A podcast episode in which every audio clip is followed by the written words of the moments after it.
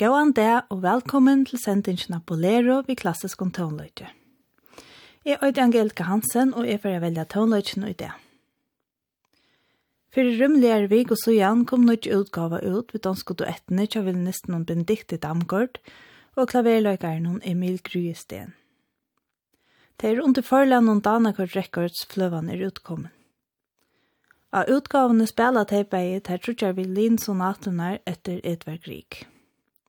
Benedikte og Emil hava arbeidt saman siden 2012 og vera sera virkjen av konsertpadlen.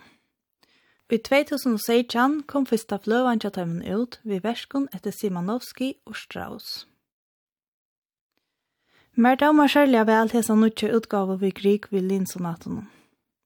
Tånleikeren er så melodiøser, her man tydelig høyre inspirasjonene ur norska tånleikarvene.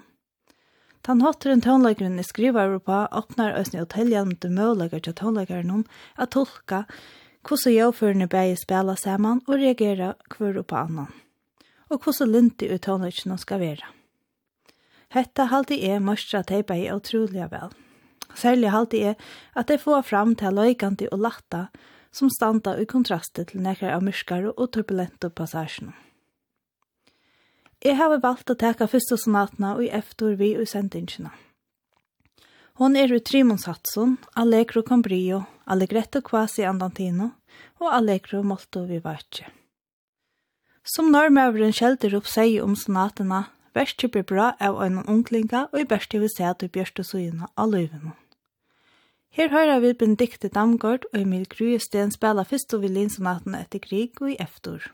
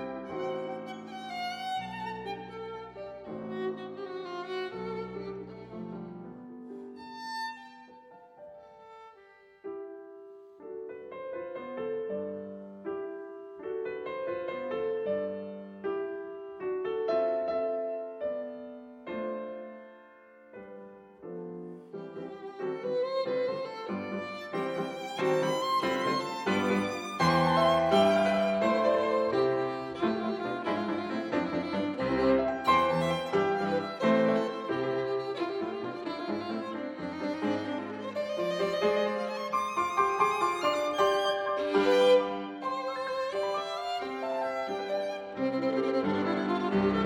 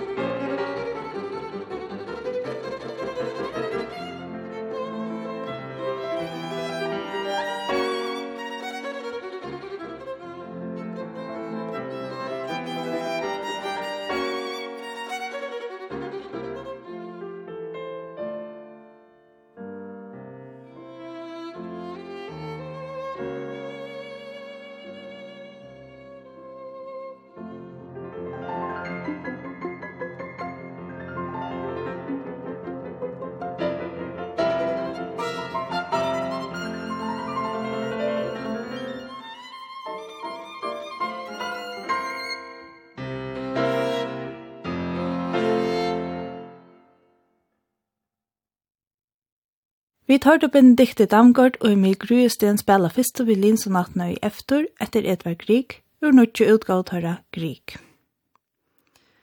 Og i nasten vil jeg først kunne gjøre tøvner at høyre i førjen.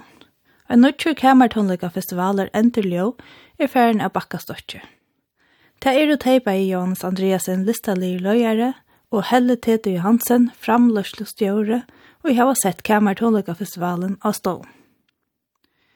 Hentan stevnan hefur nekk spennandi öskra. Ötnu finska klaverlögarindan Kristina Junto, Nordic String Quartet og Aldebaran spela av festivalen. Omfram til er òsne myndlist og filmslist en parster av skronne. Nordic String Quartet her føreska Heiron Petersen spela fyrste villin for å spela tver konserter av festivalen. De heva som kvartett givet nekvar og hoaverdar utgaver ut, Og nu øyna vi fyrstu seks strutskvartetten om Kjapelle Gudmundsen Holmgren, som kom ut i 2019, og strutskvartetter etter Nancy Dahlberg, øysene fra 2019.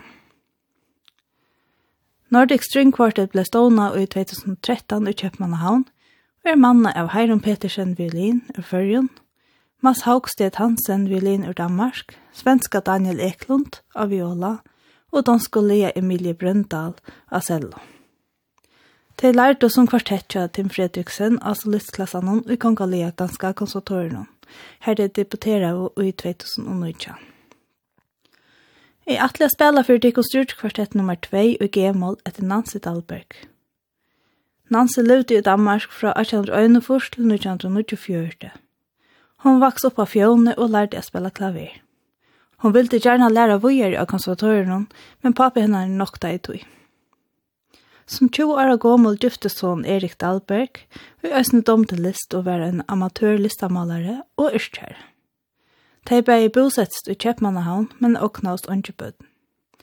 Etter at hun breit armen gavst hon vid klaverspillen, og i 1990 begynte hon å få fralære i teori og tonasmi til norska Johan Svensson.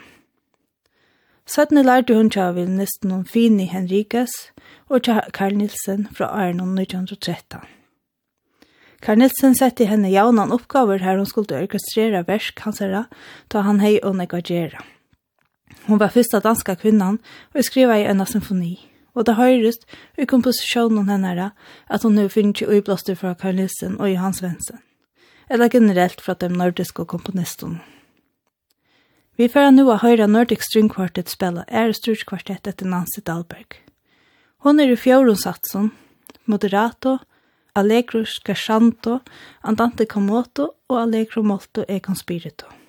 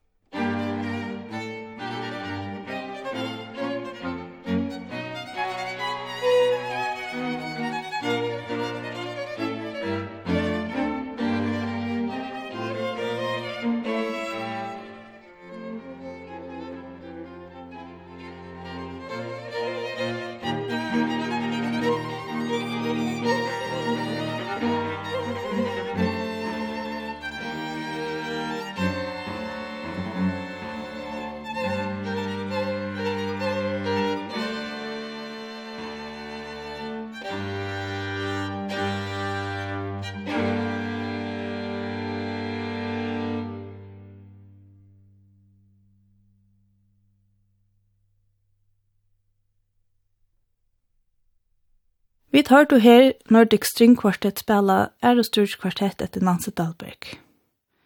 Tei ver at høyre av kommande festivalen om Enderljå og ber til at lesa mer om festivalen av enderljåd.fo. Hesa bolero-sending atla jeg at enda vi en stykke av utgavene Atlantic Hymns. Danske komponisteren og klaverløygaren Frans Bach gjør det i fjør av et prosjekt sammen med førskvartettene Sekventia. Ta enda er vi en opptøkke av styrtjon han er skriva vi føreske kvartettene og i hoa. Teitur Lassen var produsere og hei omfram til en løygande løyklod av trett. Av utgavene og fast bæg som plata og kan tekkas nye, er det åtta lø og er det øsle av klassiskom crossover. Vi har som lærnån All That We Will Never Understand vil jeg takka fyrir det. Henta sendingen vil enda kjent kveld klokkan 22, og er òsne å finne av heimasynet til kringversjonen kvf.fo framskak bolero. Jeg øyde Angelika Hansen, og tøkninger i det er Høgne Fagraberg.